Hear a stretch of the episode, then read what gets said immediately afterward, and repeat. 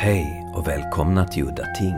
En podcast om sällsamma historier, kreativitet och kreatörerna själva. Mitt namn är Henrik Möller, musiken är skapad av Testbild och loggan till podden är gjord av Malmökonstnären Nalle Chinsky. Så, nu när det börjar närma sig jul så ska vi ta ett lite extra julmysigt avsnitt om mord och ond bråd död. För det här avsnittet ska handla om New York-regissören William Lustig och i synnerhet hans två mest kända filmer, Maniac med Joe Spinell och Maniac Cop med Bruce Campbell. Bill, han växte upp i ett New York som många som åker dit idag kanske tack och lov slipper uppleva. Det sunkiga, skitiga, förfallna New York som så misantropiskt presenteras i Taxi Driver. It was, as you said, it's an entirely different New York City. Um, it was gritty and grimy. Uh, crime was uh, uh, uh pretty rampant, um, but accepted. You know, that's what we lived in.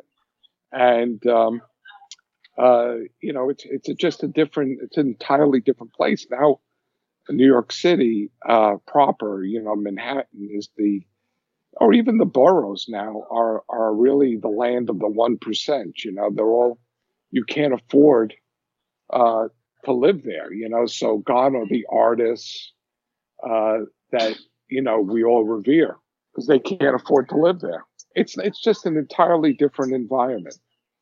Tell me of the grindhouse cinemas and midnight screenings that you used to visit in New York.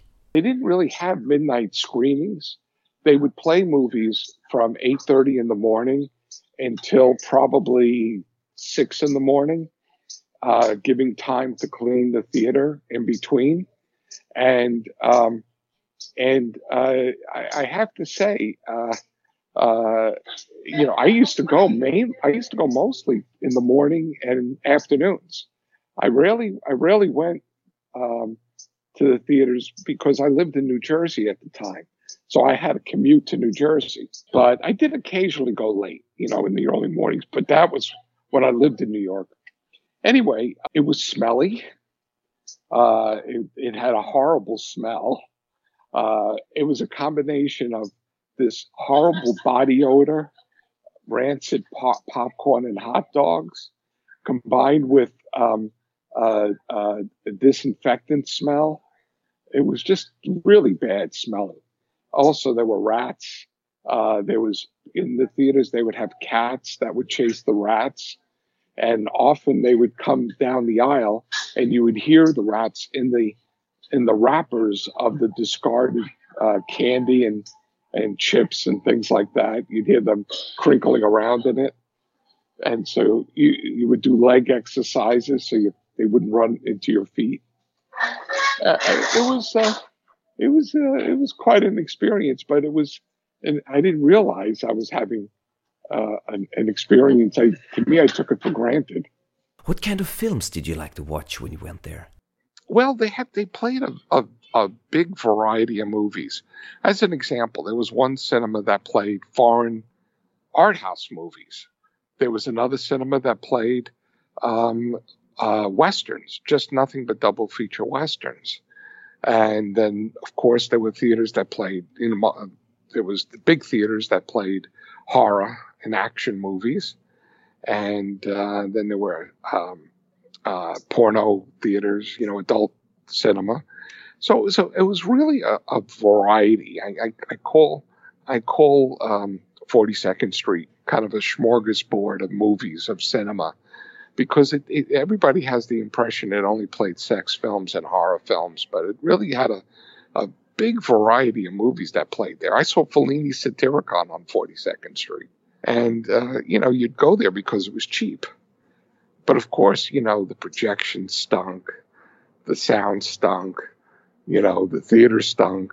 But you got to see it for 99 cents versus if you went, you know, to a proper theater um, in, the, in a better area of town, it would be at that time $5 to go see it.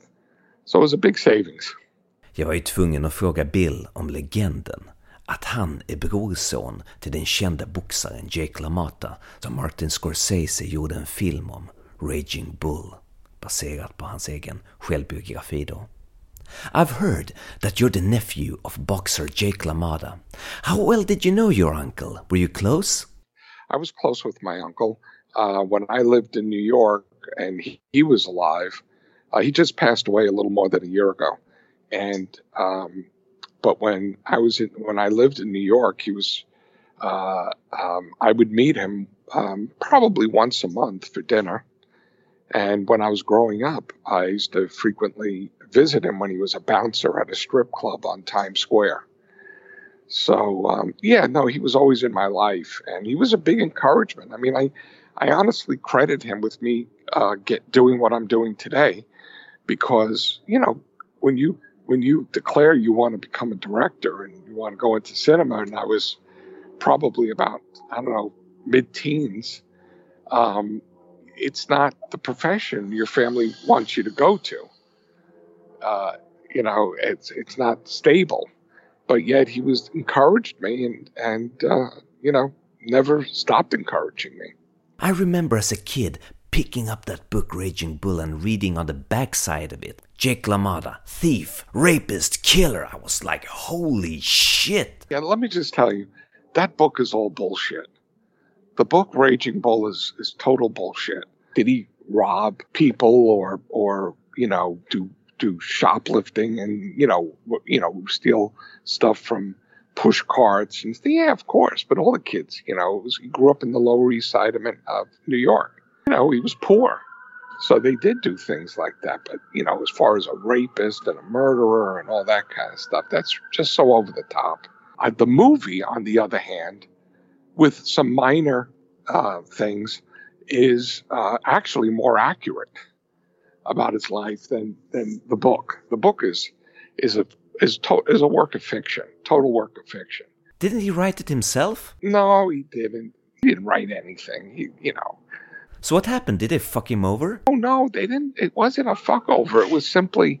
Um, well, the book painted him as this total monster. They, Peter Savage, um, whose name is also on the book, is one of the writers, I believe. You know, these guys, Pete was a, a mob guy who was very close to my, my uncle, who also was the one who helped me get into the film business. And um, and what the, the, the thing is about these guys is they kind of look back at their lives like it's a Warner Brothers movie from the 30s and 40s. I don't know. They kind of do that, and in and it's not really it is the, the book is just a total work of fiction. The funny part is the, the one thing that struck me about Raging Bull is my uncle never cursed. And if you cursed in his presence, he would he would uh, uh, scold you for cursing. But he never cursed.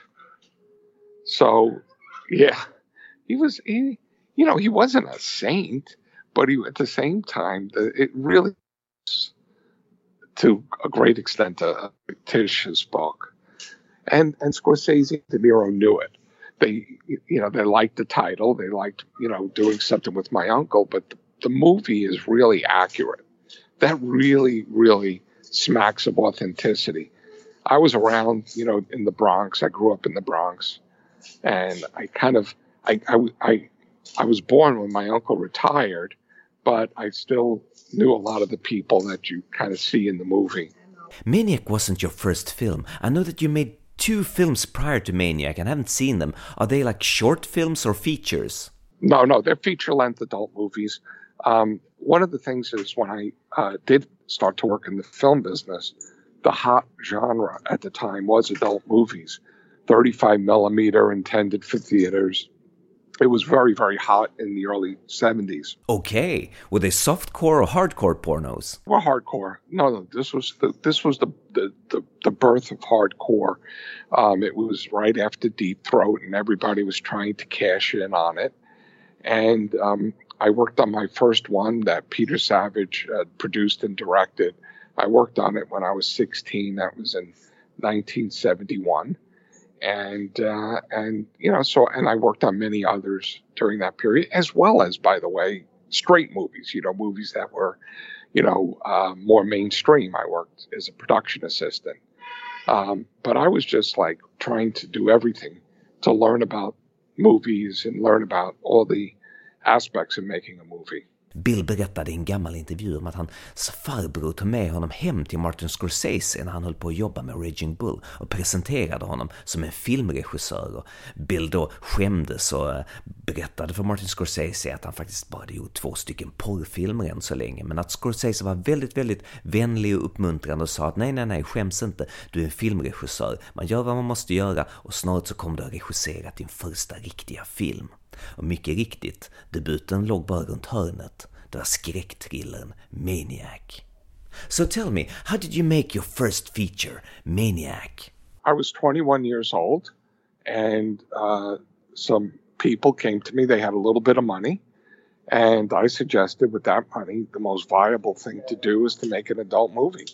I had I had a track record. I had worked on many of them, and uh, so that was what we did and and then the second one I financed myself, and um, uh, you know as a follow up. But I really didn't want to do the second one. I did it, you know, for economic reasons.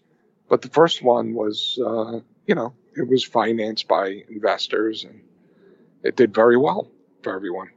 What were the struggles in making a low budget film for like $300,000 in New York in 1979? They're pretty obvious. You know, you're limited in what you can do. Um, but at the same time, I, I look back at having made, uh, I worked on so much, I had a, a, vast amount of experience when I started Maniac that I was able to operate, um, you know, with, with, with cost efficiency. So I was able to get a lot on the screen for very little money. Um, but yeah, it's all the obvious things. You're always operating like you're a burglar. You know, you you're always trying to, you know, pull things over people. You know, not to have to pay for stuff, and you know, and it's it, it becomes a constant game of survival when you're making a film for that kind of money. You know, you're paying the crew. You know, not you know you're not paying them a lot of money, so you know there's a, you know, you have to deal with that, and it's it's just you know, it's a challenge. As an example, you know, Joe is a prominent Screen Actors Guild member.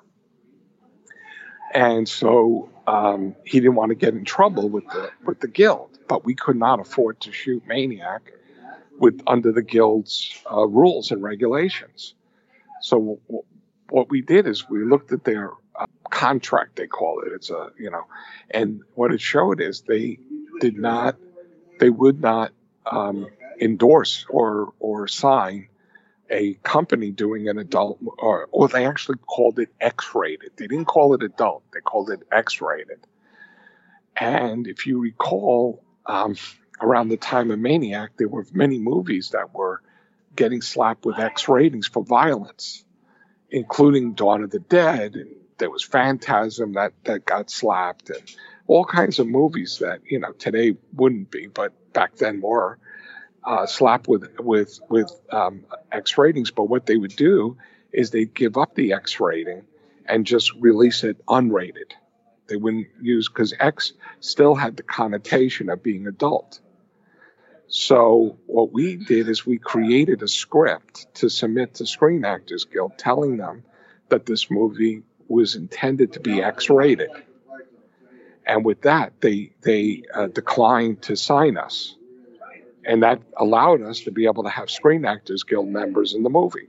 I've heard that you paid your actors in pizza. The actors didn't get paid up front. They got paid later. We actually paid everybody, including the crew, their proper wages, but we only paid a minimal amount up front and then paid the rest later when we started getting revenue in on the movie. Joe Spinell är ju huvudrollen som mördaren i Maniac och för dem som tror att de inte vet vem han är så kan jag berätta att han hade roller i både Gudfadern 1 och 2, Rocky 1 och 2, Taxi Driver, William Friedkins Sorcerer och Cruising, John Millias Big Wednesday och många, många fler. Men jag tror att Maniac var hans första och enda huvudroll och det finns en otroligt bra dokumentär om hans liv och inspelningen av Maniac gjord av David Gregory från Severin Films. En minst sagt excentrisk och färgstark karaktär, Joe Spinell. But talking about the leading man, the star of Maniac, the late great Joe Spinell, how did you meet him and how did you get uh, get him to make that film with you? I met Joe Spinell. I was working as a production assistant on a movie called The Seven Ups. That was Phil D'Antoni's follow up to The French Connection. Um, and Joe played like a thug in the movie. It might have had a different title overseas. Uh, it starred Roy Scheider and Tony Lo Bianco. It had a big car chase in New York. Anyway, um, I, uh, I, was a production assistant, and Joe was a thug. And uh, you know how it is when you meet somebody and you um, uh, you have a mutual love of horror movies. You immediately bond. Well, Joe and I bonded, and we began hanging out after the movie in New York. So Joe Spinell was a horror film fan. I would never have guessed. He he wanted to be the new Vincent Price. That was no, he really did. He he loved the idea of doing horror.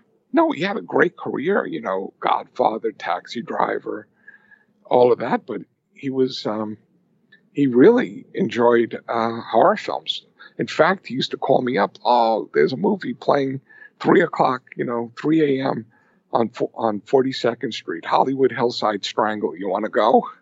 And of course, he'd call me, and I'd be in bed half asleep, and I'd wake up, you know, get dressed, and jump in a taxi and meet him on 42nd Street to go see Hollywood Hillside Strangler. You know, I remember us seeing, you know, things like, you know, Tourist Trap with Chuck Connors and all these movies we would go see together. Do you remember any film you saw together that impressed the both of you? We went to see Halloween and that impressed the hell out of us. And, you know, it was at that time, it was funny, before Halloween was released, the declaration in the industry was that horror, like Westerns, was dead. And, uh, and then along comes Halloween, it becomes a huge hit. Not long after came Maniac. I will not go off on a tangent here, but I just remembered and I had to ask. I'm a huge fan of Dario Argento's Inferno, and you worked on that film in New York. How did you get that gig? It really, I didn't really have a gig on Inferno. My, my uh, producer partner, um, Andy Garroni, was the production manager on it. And um, what happened was one day he calls me up because oh, we're doing this movie, and uh, we're, you know, it was only a couple of, uh, it was only like it was about a week shooting in New York. It wasn't more than that, and um, and he calls me up because yeah, we're doing this movie, and I said, oh, really? Who's the director? He said, Dario Argento. I said, Dario Argento? Are you kidding? And and Andy didn't know who he was. His father didn't know, and nobody knew who he was, you know. And so I came down to the set and hung out and uh, so I really, you know, from a practical standpoint, I really didn't have any.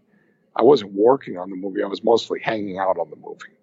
Well, what did you do, and what did you observe during your time there? I was um, I was present when in Central Park when they shot the scene with the guy um, who has the, the food truck um, goes to help the guy who is being attacked by the bag of rats, and he crosses over the water uh, and then he begins stabbing the guy. You remember that scene? Um, and uh, I remember being there for hours while they did a, they did this one shot of the moon crossing between these skyscrapers with these matte plates and everything.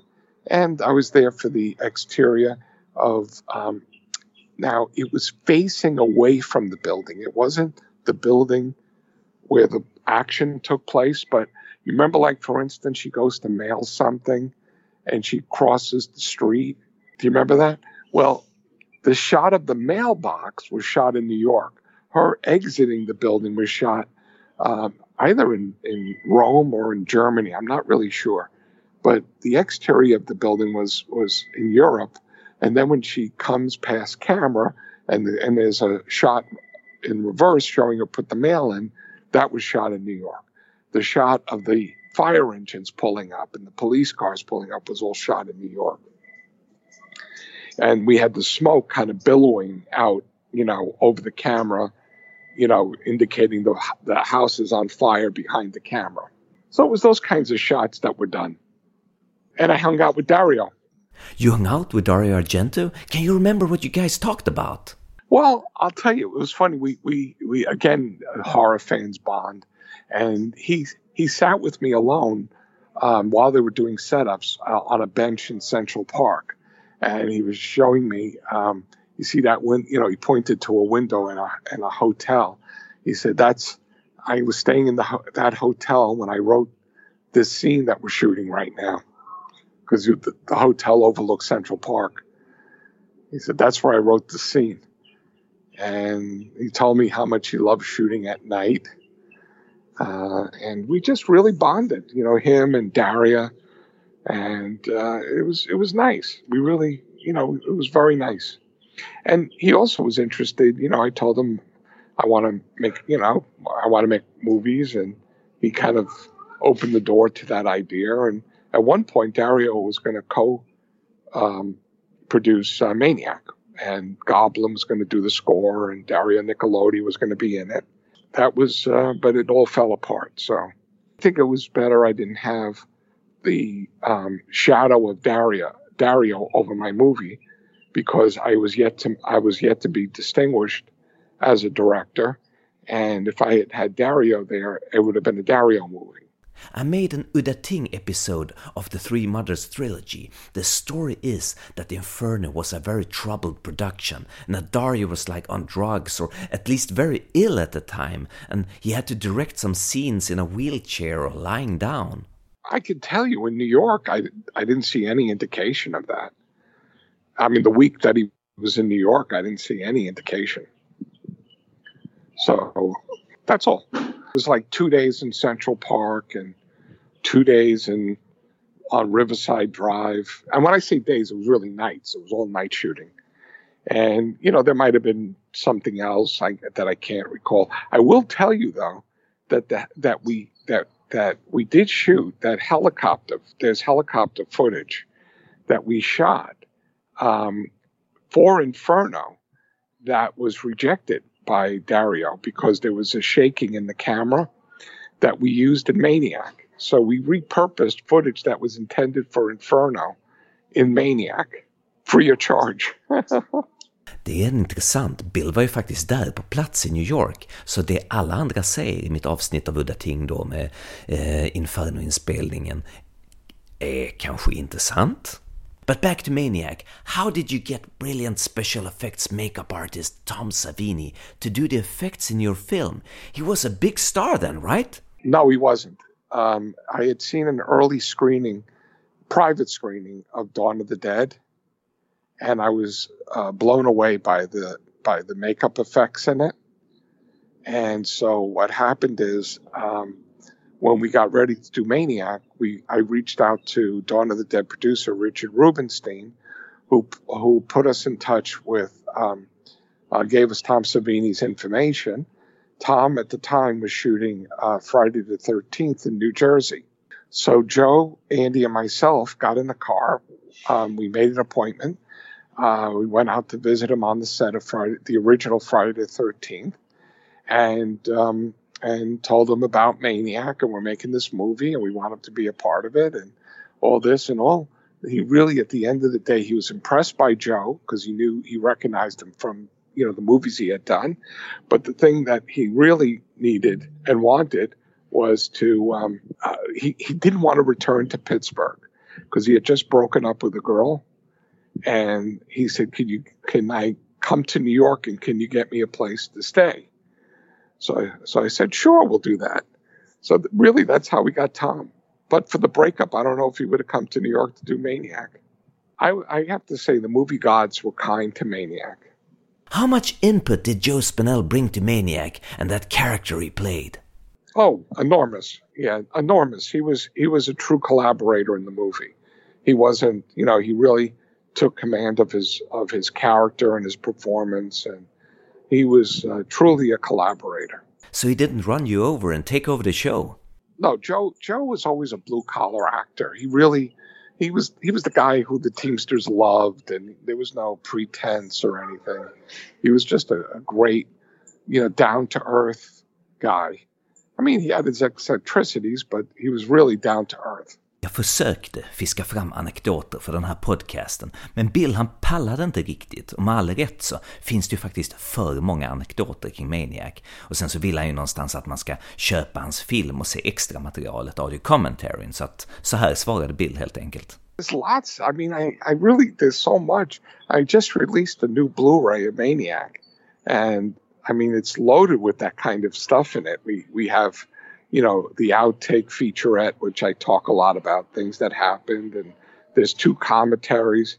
I mean, everything you ever want to know about Maniac is really on that Blu-ray. There's too much to kind of go over. I mean, there were anecdotes every day. Men hur som helst så vill jag ändå bjuda på en guldanekdot, för den här är så bra så att alla som är intresserade av Maniac bara måste höra den. Scenen när Joe Spinell skjuter ihjäl det hånglande paret i bilen, där killen spelas av special effects-mannen Tom Savini själv.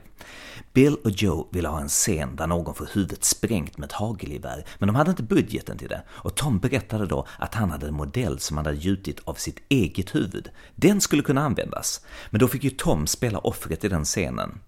Det är typ fängelsestraff på att avlossa ett gevär i New York, så vad de gjorde var att de riggade bilen med tre stycken kameror som filmade samtidigt. Tom klädde ut sig till Joe Spinell och hoppade upp på bilhuven och sköt med riktig ammo rakt genom bilrutan och sprängde huvudet på dockan av sig själv. Han berättade att rekylen fick honom att halka av bilhuven. Sen så var det ordnat så att Tom snabbt skulle kunna slänga in hagelgeväret genom fönstret på en annan bil som snabbt körde iväg från platsen. Resten av teamet fick ta ytterligare en bil och jag tror att det var producenten som fick äran att köra den nedblodade bilen från brottsplatsen, som senare dumpades i kanalen. Så någonstans på kanalens botten i New York så ligger det en bil med Tom Savinis, eh, ett, en replik av Tom Savinis söndersprängda huvud. Men som sagt, köp gärna DVDn, Blu-rayn och lyssna på kommentarspåret. Det finns massor av underhållande anekdoter att avnjuta. Filmen blev extremt hatad när den släpptes och som vanligt så verkade det som mest att det kom från folk som inte hade sett filmen utan bara hört rykten och sett den grova affischen. Alltså affischen är ju en grej i sig och man måste nästan se den men i kort så är det i alla fall en tecknad affisch på en man från midjan neråt som håller blodigt nyskalperat kvinnohår i ena handen, en kniv i den andra och en synlig erektion i byxorna. Folk flippar ju ut, minst sagt. After Maniac was released, there was this shitstorm of controversy. It was controversy. Um, it really was that Maniac became a lightning rod for the controversy that had been building up uh, with all the movies, the horror movies that were being released every week. There was a new horror film that came out. You know, don't answer the phone. This that, and there was kind of a um, a perception that these horror films were um, victimized, portraying women as victims, and so it became kind of a political as well as a social thing about you know uh, women you know being portrayed as victims even though it wasn't entirely true. The posters, you know, in order to sex up the posters, would always show a woman in danger or, you know, her clothes ripped and, you know, being chased by a killer and all that kind of stuff. And, you know, it's, it's, it's, um, I think a lot of it was, was the marketing, but some of it was the movies. And, and Maniac became this with its provocative poster. Um, it really became the lightning rod uh, for um, for the controversy. And as a result, I mean, I got a lot of angry letters, and there were a lot of news shows and stuff all about, you know, how horrible it was. Yeah, it was it was interesting. There's this crazy story I've heard, and I can't remember the details, but there was this woman who defended the film, but later she was arrested for murdering someone herself even more bizarre than that. Um, she, um, I, there was a woman who stood in front of the theater, hadn't seen the movie, held up the uh, ad for the movie, and held a press conference. Uh, she was the head of the National Org- Organization for Women in Los Angeles. She held up the poster and said, "You know, this shows you how women are stalked and killed every day." This kind of movie, and um, and uh, I, sometime after that, a year or two after that, I'm watching TV, and she was being arrested for being an accomplice to a murder that occurred years before she stood in front of that theater. It wasn't after it; it was before it. What it was is her boyfriend. Um, she you know, she would pretend to be a prostitute, or maybe she even was a prostitute. I don't really know. But it was one of these deals where, you know, she'd lure men, um, you know, someplace and her boyfriend would rob them. There's a word for it. There's a, there's a, it's a, it's a scam which has its own name for it. But, you know, she would, she'd be the bait and her boyfriend uh, to, to lure them to a place where they'd be vulnerable and her boyfriend would rob them. Well, and during one of those, the, one of the men was killed and um, and so she was arrested for being an accomplice. So Maniac was a success then. A few years went by, and then you did Vigilante, quite a different film from Maniac. I wanted to do something different than make, make another horror film, but I, I decided I wanted to do something different. I wanted to make an action film, and I wanted to make it in the style of the spaghetti westerns that I love. I love, and uh, I also um, uh, you know, and and and so I wanted to shoot an urban action, an urban action film, and it was an ambitious project. You know, we didn't have very much money, and. Um, but by this time, you had a couple of stars. I mean, Fred Williamson and Robert Forster. I think both of them were in a valley as far as their careers were concerned. At the time I hired them, um, Fred, you know, the black exploitation films had run their course and so he wasn't working very much. And Bob Forster um, was also in a decline. You know, he had he had done Alligator, which was a wonderful movie, but it wasn't really a big hit. Um, so he was still, you know, uh, he was still kind of in a, a little bit of a funk. And but they were, I I loved them both, and so I hired them because uh, because of them as actors. You know, I didn't. Uh, the same with like Woody Strode. You know, this was a bigger budget film, right? I mean, Maniac all in with all the deferments and everything was, you know, just over three hundred thousand dollars when it was all in. When we paid off all the crew and cast and vendors and everything. Um, this movie was about um, a little more than three times the amount, about a million dollars. All it was shot Screen Actors Guild. We had Teamsters. You know, it was a it was a you know in many ways it was still non-union crew but uh, everything else was union. And it was shot in new york city and you know took a long time to shoot because you know we, we were doing these you know car chases that you can't just shoot them on the fly. You know you have to prepare that stuff and these films were made so fast and so crazy. Do you often think back about things you want to change with them? Of course. I mean look every movie I've made, I, I look at as 90 minutes of mistakes. I mean, uh, Maniac, I mean, I'm, i cringe when I watch Maniac. I, I see, oh, I could have cut here, I could have done this, I should have done that. Same thing with Vigilante. Um, I would say probably Maniac Cop was the first time I thought that I was a, um, I thought I was a good craftsman on a film like Maniac Cop. It was efficiently made. Um, I, you know, I don't see as many mistakes starting with Maniac Cop. I mean, I see some, of course, that I would love to change, but you know, it, it, it started to lessen. Let me put it to you that way. It doesn't mean I'm, it doesn't mean I'm a better director. It just means I'm a better craftsman, having more confidence, knowing, you know, how I was going to do things. Okay, so how did you get Bruce Campbell for your next film, Maniac Cop? Called Bruce up before we even had a script I said, Bruce, I'm going to make a movie called Maniac Cop. I'd like you to star in it. Um, I I need you to fly to New York to shoot some footage. We don't have a script. Don't ask me what it's about, but we want to get some uh, St. Patrick's Day footage into the movie, and we'll figure out where it goes later. And so he flew to New York.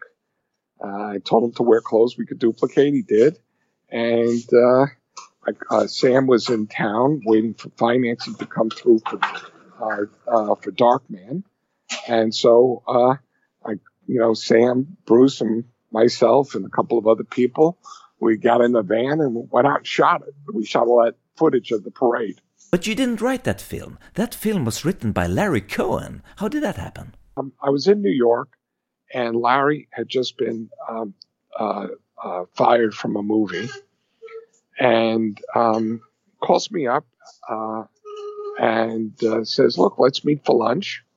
and and we did. And the topic came up: Why haven't I done a follow up to Maniac? And I said I always thought of it as a singular movie. I never thought of it as a franchise movie. of course, I never envisioned Elijah Wood would have done a remake. Um, and uh, and uh, he said, well, um, you know, we were chatting back and forth. And at the time, you remember there was RoboCop, Beverly Hills Cop, you know, a lot of these kind of movies with that with that title. So what about Maniac Cop? And I instantly said, that's a great idea. And as the as the lunch progressed, we came up with the copy line: "You have the right to remain silent forever." So with that, with those two things, that was in February. That's uh, we we I started shooting the film in March, and Larry gave me a script. Um, I think it was end of April. I had a script for the movie, and I got the financing from uh, my friend Jim Glickenhaus, and uh, went out, made the movie, started pre-production in in July, and shot the movie in August. So, Maniac Cop was your first properly budgeted film, and I heard that production went smoothly. Oh, yeah, no, it was very efficiently made. I had a terrific crew, terrific line producer on it. Um, you know, every it really went very it went very smoothly. There was really no um, there was no there was no drama. Let me put it to you that way. By this time, you were kind of this New York director, making genre film after genre film that takes place in New York. That's pretty cool. No, it was, it was, uh, yeah, I guess, I, I guess when I think about it, yeah, you're probably right. It is kind of unique. By the way, we only shot, we only shot four days of Maniac Cop in New York. Why? New York is expensive. But the film is supposed to take place in New York. Well, it does take place in New York. It takes place, but we didn't shoot it. We just, you know, cheated after Vigilante, um, I was in a I was in a predicament where I really should have moved to Los Angeles sooner. I stayed in New York, wanting to remain in New York, and I wasn't able to really put together money to make movies there because all the companies were in uh, were in Los Angeles. So I was I was kind of caught in, for years not being able to get traction to make another film funny enough, I moved I moved to I moved to LA and then only for Maniac Cop to find the financing in New York from Jim Glickenhaus. It's really interesting. Here I am, a fan of your film, and uh, many many years later, people have contacted you about this film, and I've heard that uh, Nicolas Winding Refn, director of Drive and Pusher films, he contacted you because he was a fan of your film. Well, I met him. Um, I uh, I was doing some work in London and went to the St. Charles Theatre where I saw a, a British quad of the movie Pusher. You know, where the where you where the skinhead uh, has the two guns. You know, uh, you know, kind of like John Woo style. Uh, and um, I went to see the movie. I really liked it. Hadn't been the movie hadn't been released in the states, and um, uh, but I, I really, really enjoyed it. Okay, about a, a, year or so later, I get a phone call out of the blue from a uh, from uh, a producer in Copenhagen requesting to license footage of Maniac for a movie he was producing. And I said, "Oh, really?" And I asked him uh, who the director was, and he said Nicolas Winding Refn. I said, "What has he done?" I, he said, well, you wouldn't know because his movie hasn't been released in America. Uh, he's only done one other movie. I said, what movie? I said, he said, Pusher. And I said, oh, I saw it in London and I loved it. And then within minutes um, of my hanging up with the producer, my phone rings and it's Nick. You saw my movie. You saw my movie. I said, yeah, I loved it. Thought it was great. And, uh, and that, you know, kicked off a relationship. And it's a friendship that's remained to this day. I've heard that the two of you have a project in the making as we speak. Yeah, a Maniac Cop, um, a re envision a Maniac Cop. Uh, we're looking to do it as a series for um, for television. We have it planned for an eight episode uh, series, and uh, you know to go on something like Amazon, Netflix, Hulu, you know, one of those streaming services. So you're going to direct it? And really, it's it's you know Nick, and he's got his people, and you know, my producing credit is is mostly honorary. I mean, you know, they'll, you know, I'll I'll chime in with some ideas and and, and you know, but that's it. Would you like to direct another film, or have you put that on the shelf? I think about it, but you know, the independent business now is is really tough.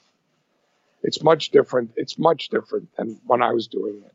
I mean, I do not know what you made your film for, but I mean, I'm I just hear numbers that are pretty, you know, they're making them for no money. You know, they're making them for no money, and uh, it's just become very, very challenging. We were making these movies. I was getting paid hefty salaries when I was making the films. Not when I made Maniac and Vigilante. I was, uh, you know, but when I started making like Maniac Cop and all that, it was, you know, I was being paid. I think you've met one of my heroes, Sergio Sollima. Can you talk about that meeting? Yes, of course. Yeah, I had dinner with him and we uh, shot interviews with him for Violent City and uh, I think it was Revolver. Yes, yes, we shot we shot an interview with him for Revolver. And, yeah, he was such a he was such a nice man. I'll never forget this. I had a very um, we shot both the interviews in, in, the same day at his house. And then afterwards, we went out for dinner and he really loved it. He had all this attention with the crew and everybody. And we'd go out to dinner with him. And at the end of the dinner, when we were parting ways, there were tears in his eyes. And it really touched me. I'll never forget it. I'll never forget it. He had tears in his eyes. You've done so many extras for your DVDs and Blu-rays. Do you have any favorite?